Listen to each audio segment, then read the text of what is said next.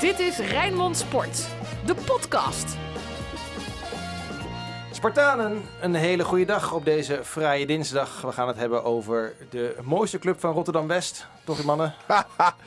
ja, ja, ik denk... Oh, een slechte aankondiging dit. ja, ik kan hier wel zeggen dat het eh, de allermooiste club van de hele wereld is. Maar dat is voor, voor, jullie... voor, eh, voor, een, voor een heleboel mensen wel. Ja. Denk ik en ook, voor de ja. mensen die luisteren Ja. misschien ook wel. Dus, eh, Ik welkom hoop, ik hoop alleen niet dat er alleen Spartanen naar deze podcast Wat luisteren. denk je? Nou, ik, ik hoop het niet. Het is echt leerzaam hoor, dit. Dus het zou voor iedereen Ja, goed zijn. kijk, concurrenten luisteren al, dat weet je zeker, Ja. toch? Ik bedoel, hè? Ja, bij, dus, eh, eh, bij ADO en Heerenveen, hè, onze volgende tegenstanders, eh, ja, staat, ja, staat het volume vol open nu. Dit was eh, het stemgeluid van Anton Slotboom. Je hoorde eerder al Ruud van Os. Positief beginnen, mannen. We hebben weer niet verloren met Sparta.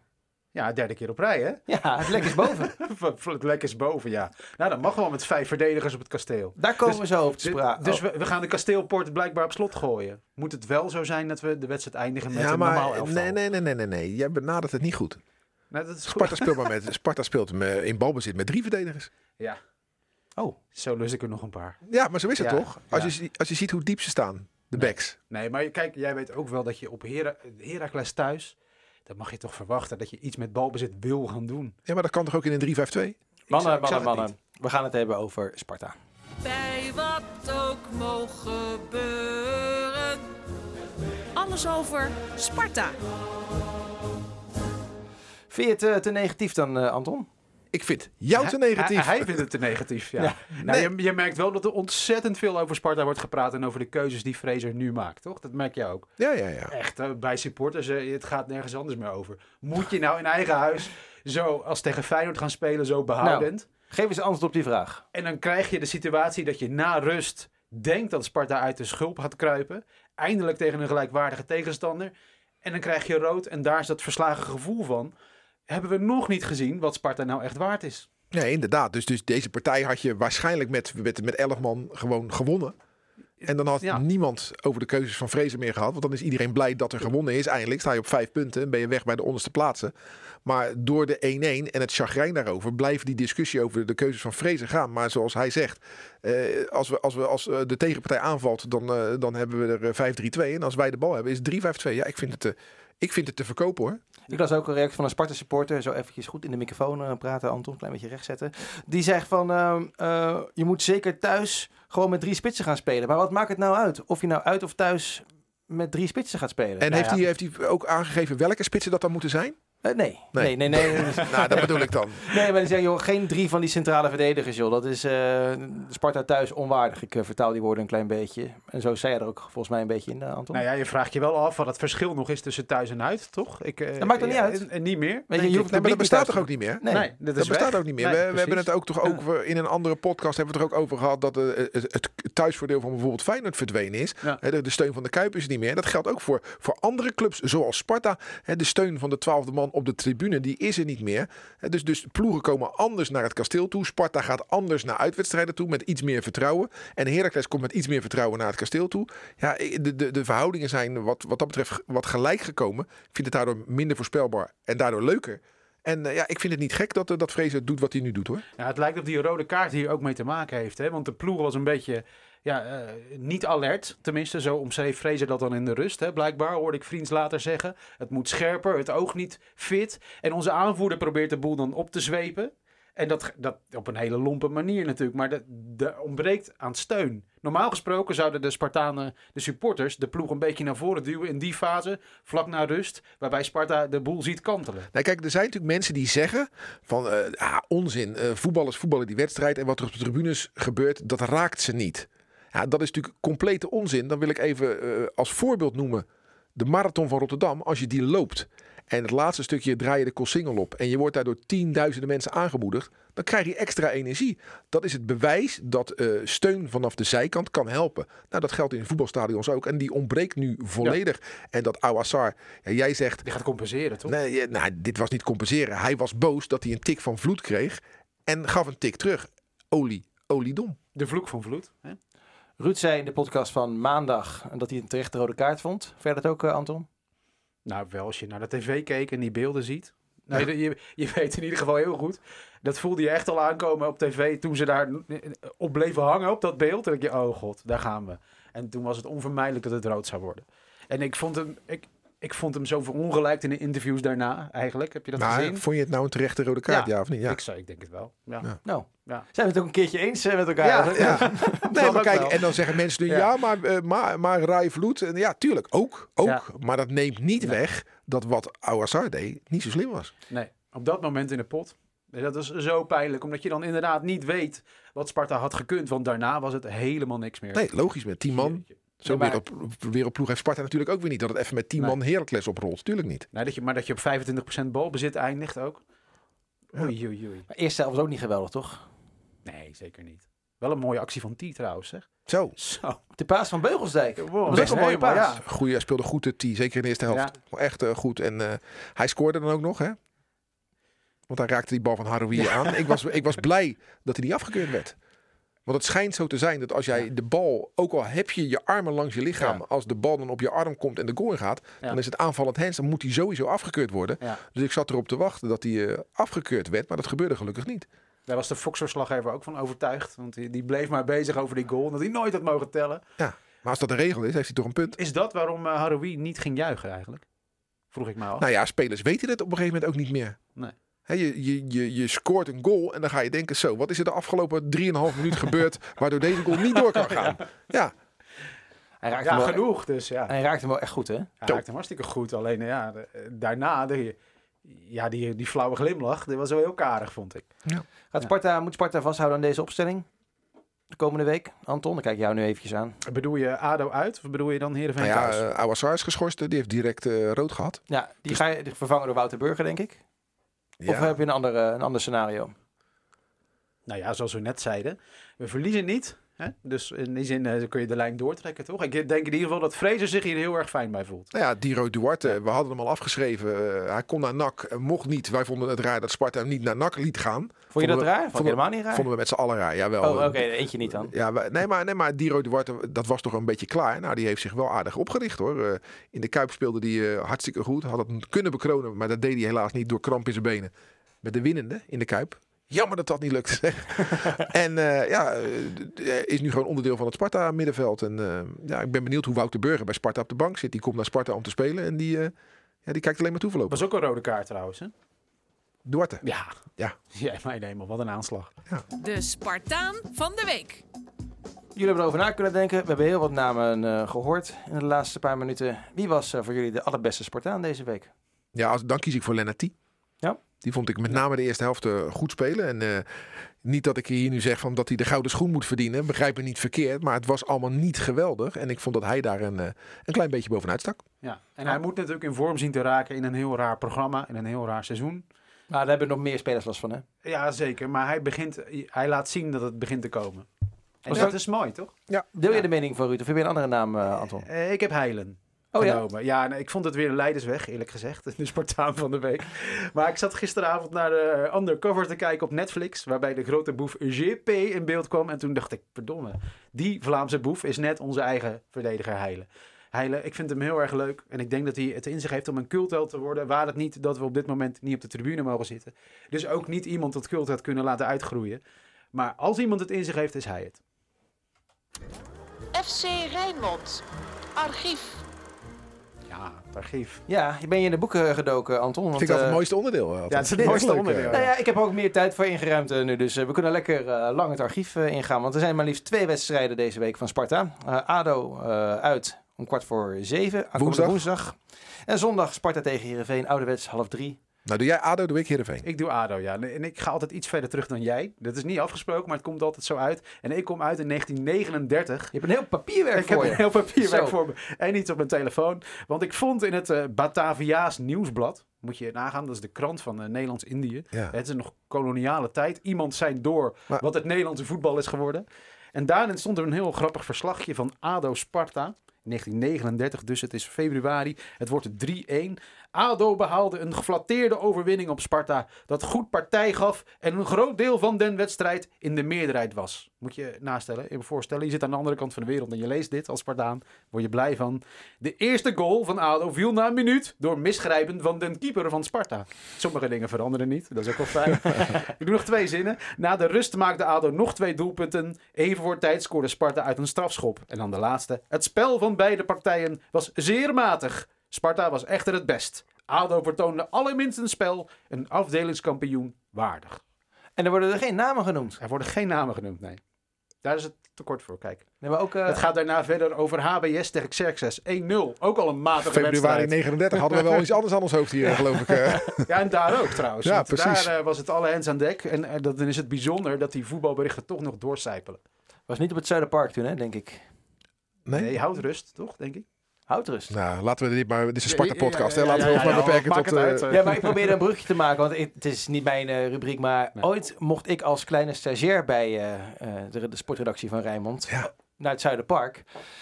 En dat was een na-competitiewedstrijd. 8 mei 2002. De enige stagiair die ooit namelijk een potje voor Rijnmond mocht doen namens eh, Sparta. En zo'n belangrijke wedstrijd. Maar ja, er was er net even een andere belangrijke wedstrijd eh, die dag. Op Rotterdam-Zuid. Op Rotterdam-Zuid. Won Feyenoord een bekertje tegen, tegen Ja. door Van Dortmund te winnen. Was dat trouwens. Ja, maar ja, ik mocht er wel naartoe als, eh, als stagiair. Dat vond ik zo geweldig dat ik daar naartoe mocht om verslag te doen. En het werd 3-3. Eh, drie keer Noordin Bukari. Het was de eerste wedstrijd in de na-competitie. In een pool met, zeg het maar, weten jullie dat nog? Frank Rijkaard was de trainer. Bij wie zat Sparta toen in de pool? Excelsior. Excelsior. Was het niet eh Volendam? Ja, heel goed. Ja. En dit is niet voorbereid. Nee, Nee, dat is echt hartstikke goed, kenners. En Bukari scoorde drie keer. En toen mocht je nog na afloop het veld op om te inter- interviewen. Dus ik had Bukari voor de, voor de camera getrokken. En die Hagenezen daar roggelen en spugen en schelden. En allemaal muntjes gooien. Eh, dus in de eerste vraag, nooit eens maar even naar binnen gaan. Dat was in mijn naïviteit. ah, dat vond ik echt geweldig. En die wedstrijd werd eerder gespeeld. Dus daarna, heel, omdat iedereen dan in Nederland naar Feyenoord Dortmund kon kijken. Ja. Dus snel naar mijn vrienden toe, na afloop, die wedstrijd kijken. Ja, het was voor mij een eh, unieke ervaring. Mijn mooiste eh, herinnering uit mijn eh eh, stagetijd bij Rijnmond. En hoe eindigde deze na-competitie? Ja, niet zo goed hè? Nee, hè? Sparta degradeerde. Maar dat wist je toen nog niet. Toen nog niet, dat was de eerste. Eh, Als ik dat had geweten, dan had ik, eh, had ik hier niet gewerkt. Ruud, Mijn herinnering, eh, ik trek hem dan even door naar aanstaande zondag. Om zondag om half drie is het eh, Sparta Heerenveen. Dus ik wil graag terugblikken op een Sparta Heerenveen uit de geschiedenis. En dan ga ik even terug naar eh, Anton, 29 januari 2000. Zo. Was je toen al eh Spartaan? Ja, dik natuurlijk, maar eh, ja. Eh, 25 januari, vier dagen daarvoor, werd het eh, nieuwe kasteel officieel geopend met de bloedeloze 0-0 tussen Sparta en Glasgow Rangers. En dus vier dagen later, op 29 januari, Sparta Heerenveen. Dolph Rox is trainer. Die presenteert eh, voor de wedstrijd de opstelling. Ik was omroeper toen. En toen dacht ik, wie? Ja, Bukari. Eh, nooit van gehoord.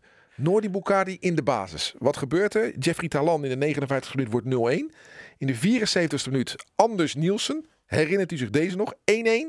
En in de 90ste minuut dat jongetje dat via Neptunus en HOV zijn debuut maakte onder Dolph Rox bij Sparta. Noordin Bukari maakte de winnende. We zijn hem daarna nooit meer vergeten. Ook al heeft hij na Sparta bij Ajax, NAC, Ajax, Nant, AZ, Sparta, Al Ittihad, NAC, Kasimpasa, Wisla Krakau, Kasimpasa, NAC, RKC, Sparta, Maghreb en GLZ gespeeld. Noordin Bukari is er altijd een van ons gebleven. Is nu ook eh, ja, eh, trainer van Jong Sparta en maakt deel uit van de staf van het, eh, van het eerste elftal. Maar in die wedstrijd brak hij door voor heel Nederland. Ik, we kenden hem niet. De dag erna, toen kon dat nog, ging ik naar de training bij Sparta. En met de cameraman, ik werkte bij Rijnmond. En ik, ik zei, Noordin, heb je wat te doen vanmiddag? Ja, jongen, pukkeltjes, eh, wat was die, 20 jaar? Eh, nee, wij gaan een leuk item opnemen. Zijn we naar HOV gegaan, naar zijn oude club. Zijn we naar een pleintje gegaan. En ja, zo ging dat toen nog. Toen hoefde je dat allemaal niet van tevoren af te spreken. Maar ja, toen ik eh, Nederland leerde Noordin Bukari kennen in een, in een elftal waarin verder schitterde bijvoorbeeld de Marilja, Oh ja. Nixon Diaz, Sylvan Inia. Ja, dat waren nog eens. Bram Marbus. Dat waren nog eens tijden. heb je nog meer? Want ik, ik had toen een seizoenkaart. Heb ik nog meer? Ja, nee, van, Nog van meer die namen? namen. Zit je te smullen? Ja, Nee, nee, nee, maar ja, wij zit, zitten ja, Maria, met die vond ik zo, vond ik Ja, echt Marilja, goud. Marilja, dat was zo'n leuk verhaal. gek, Dat ik- ja, nou, we hebben nog wel even. Ja, ja, ja. ja. Marilja eh, was eh, super vriendelijk. Maar ook super slecht. Maar omdat hij super vriendelijk was, was hij heel geliefd bij Sparta supporters. En op een gegeven moment komt er dan het punt dat je zijn aardigheid eh, zo eh, hoog in, het, eh, in je hoofd hebt zitten dat je hem al zijn fouten gaat vergeven. Dus heel veel Sparta supporters en medewerkers bij Sparta die vergaven hem alles. Maar hij was dramatisch slecht en hij was gek. Dus ik ben omroeper in het eh, Sparta-stadion in de tijd dat het verbouwd werd. Het veld was al breed gelegd, maar de tribunes stonden er nog niet. Ze hadden tijdelijke dugouts voor het kasteel neergezet. En in de rust moest Maruja plassen. Maar Maruja had geen zin om naar binnen te gaan. Hij was boos, hij was reservespeler. Hij zat op de bank een beetje te zagrijnen. En heeft toen gewoon in de hoek van de dugout zitten pissen. ik zag dat, maar ja, ik ben geen landverraaier. Dus ik zeg, ik zeg dat niet. Ik maak mij verder niet uit. Maar andere mensen hadden dat ook gezien. Maar er was één speler tegenover Maruja, die geliefd was, waar iedereen een hekel aan had. Romeo Woude. Ja, dat zijn allebei donkere jongens. En het verhaal gaat nu dat Romeo Woude had in de hoek van de dugout zitten Nee. pissen. Nee, dat was Marilja. Maar ja, die was zo geliefd, dus niemand wilde daar aan. Dus toen iedereen zei, ja, die Romeo Woude, die heeft in de hoek van de, de, van de dugout zitten pissen. Dacht ik, ja, nou moet ik toch, nou moet ik toch voor Woude gaan opnemen. Want het was gewoon die Braziliaan. Ja, eh, dat is ook nog een mooie herinnering aan, aan, aan, aan die tijd. En die speelde dus, dat is de man met de meeste eigen goals in de Nederlandse competitie. Die onlangs gepasseerd is als Sven van Beek, geloof ik of zo. Hè? Hè? Ja. Toch? Maar Mario had er ook geloof ik vijf in zijn eigen mandje. Ja, ook zoveel, ja. Maar Wat is de naam van, van zo'n jongen geworden? Is hij in Nederland gebleven? Maar Nee, die of is, die is toen op een gegeven moment eh, ja. terug naar eh, Brazilië. En die is met het geloof gaan Ja, volgens mij. Is hij niet wijkwerker geworden of zoiets? Ja, Zo- ja, zoiets. ja, maar. Maar Ja. ook Nixon Diaz, daar kan ik ook weer een fantastisch verhaal. Dat was een enorm groot talent. Uit de eigen jeugd. Ja, die, die debuteerde al op zijn zeventiende of zoiets. Nou, toen werd Jan Eversen trainer op een gegeven moment bij Sparta. En toen uh, trainen ze nog op eh Spartanello op Zuid. En eh, ja, Jan heeft zo'n grote mond. dat vinden wij journalisten leuk. Maar voor spelers is dat verschrikkelijk. Dus hij, eh, hij eh, roept zijn spelers voor de eerste training bij elkaar. En hij zegt, jij bent dat toch de grote talent, eh, Diaz? Ja, trainer, dat ben ik. Ga jij maar rondjes lopen, want aan jou heb ik niks. Nee. Ja, ja, en daarna is het ook gewoon niks meer geworden met Nixon Diaz. En dat, dat, is, ja, dat is Jan Evers. Oh, die kon meedogenloos over zijn spelers zijn. Dan op de training ging hij altijd bij de journalisten staan. En dan stond hij tussen ons in. En dan schoot Nathan Rutjes weer een bal. Hè, op, op Vreles schoot hij de Horvat weg op. En dan stond hij hier, moet ik het mee doen? En dat zag Ja, Nathan ja, Rutjes dan ook gewoon. Dat Evers zo dat die misbaar had. En Ja. ja, ja, ik kan uren doorgaan eh, over die tijd. Maar eh, Nee, dat, we hadden het over Sparta Ja, Heerenveen. ja, maar dat is eh. Ja. Maar dat oude cynisme is helemaal weg natuurlijk. Het gekke is dat je het een beetje terugvindt in Fraser. Want nu ik op tv eh, kijk, nou het Het gedwongen. is meer realisme, toch? Nou, maar je, je hoort dus iedere wedstrijd dat Fraser het eerste kwartier staat te schreeuwen langs de lijn. Ja. Dus dat, dat doet me een beetje daaraan denken. Aan het ouderwetse voetbalgedrag Ja. van ik ben de baas en ik laat je weten. ook. Maar Nee. Vrezen is naar buiten toe ijzersterk. Ja, ja, vind ik hij ook. kan, hij kan eh, toch zijn spelers eh, in interviews zeggen dat ze niet goed hebben gedaan zonder ze af te branden. En dat is een kunst die Ja. Vrezen beheerst. Dat is een kunst die Koeman beheerst. Een kunst die Jan Eversen niet zo Nee. beheerste. Want die brandde gewoon iedereen af. Nee, maar het, ik denk dat Vrezer het ook doet. Eh, dat hoorde ik bij eh, Rondo zondag ook. Toen zeiden ze op Ziggo, zeiden ze ook van ja, kijk naar zo'n Danny Buis. Die is kei en keihard aan het motiveren. Omdat de spelers de steun van het publiek eh, missen. Ja. Dus iemand moet het doen vanaf de zijkant. En ik denk dat Vrezer dat daarom ook doet. De trainer wordt de twaalfde man dus. Nou ja, Ja. eh, in elk geval de ploeg bij de les eh, houden. Dus, eh, Maar ik vind interviews met Vrezen altijd een genot om te Ja. kijken. Omdat hij, heeft, hij, heeft, hij is zo reëel. Hij is zo reëel. En journalisten als wij opportunistisch. Dus iemand die drie keer scoort, daarvan zeggen we die moet in oranje. Iemand die een eigen doelpunt eh, scoort, daar vinden we die moet de guillotine krijgen. Hè. Zo, daar zitten wij een beetje tussenin. Ja. En Vrezen zegt altijd de juiste dingen. En dat Sparta supporters klagen over Henk Vrezen. Ja, die moeten zich maar eens over een paar jaar achter de oren gaan krabben als Vrezen ergens bij een andere club zit. En denken, goh, hij was toch wel goed hoor. En je had het net over Bukari. En ook die rolverdeling tussen Fraser en Bukari is heel mooi. Hè? Want Fraser die kijkt helemaal niet zoveel wedstrijden. Die heeft wel wat beters te doen. Die gaat liever... Ja, nee, dat zegt hij ook gewoon. Eh, heeft hij wel eens gezegd. Ik, ja, ik kan echt niet naar eh Wolfsberg en Feyenoord eh, kijken als, eh, als ze er niet binnenkort tegen hoeven te spelen. Maar Bukari, die kijkt alles. Hè? En die weet ook alles. En ze waren hier in FC Rijnmond een keer samen. En toen- Bukari nog ging dansen en zo. Ja, Ja, ja dat was goud natuurlijk. Die twee, die Maar Bukari die is twee is echt, goud. Ja. het is echt een, echt een liefhebber. En heel belangrijk volgens mij voor de, voor de staf Ja, maar die hele staf, eh eh, Fraser is, is gek op spelletjes. En doet alles in spelletjesvorm. Hè. Ook padel wordt ook Ja. gespeeld. FIFA spelen ze. En Rankovic had daar ook een bijzondere plek in. Hè. Want in de trainingskamer stond er een mooie dure koffiemachine. En daar was Rankovic de beheerder van. Dus als je lekkere koffie moest hebben, dan moest je bij Rankovic zijn en zo. En die Rankovic, die kwam naar Sparta. Dachten we, wat moeten we ermee? Zo'n assistent kunnen we zelf er ook wel leveren. Maar voor Fraser heel belangrijk. Ik vind het mooi dat Rankovic nu op zijn eigen benen staat. Super aardige kerel. Ik gun hem het allerbeste. Dus ik hoop ook dat hij gaat slagen met, eh, met ADO. En eh, als dat maar niet ten koste van Sparta gaat, eh, uiteraard. Maar Fraser is echt een bijzondere kerel. Echt een bijzondere kerel die na Sparta echt nog hele mooie stappen gaat maken. Tot zover de podcast. Beetje uitgeweid, waar je Nou, zeggen, Anton? Ja, die Oh. eh, 013, hè? VVV Ja, ja, ja. uit. Ik moest eh, als Spartaan, en ik weet dat andere Spartanen dat ook hadden, had ik echt medelijden met VVV. En ik hoop dat het ons echt bespaard blijft. Want mijn hemel, het zou je gebeuren als fan van een klein clubje. Ja. Zo overlopen worden.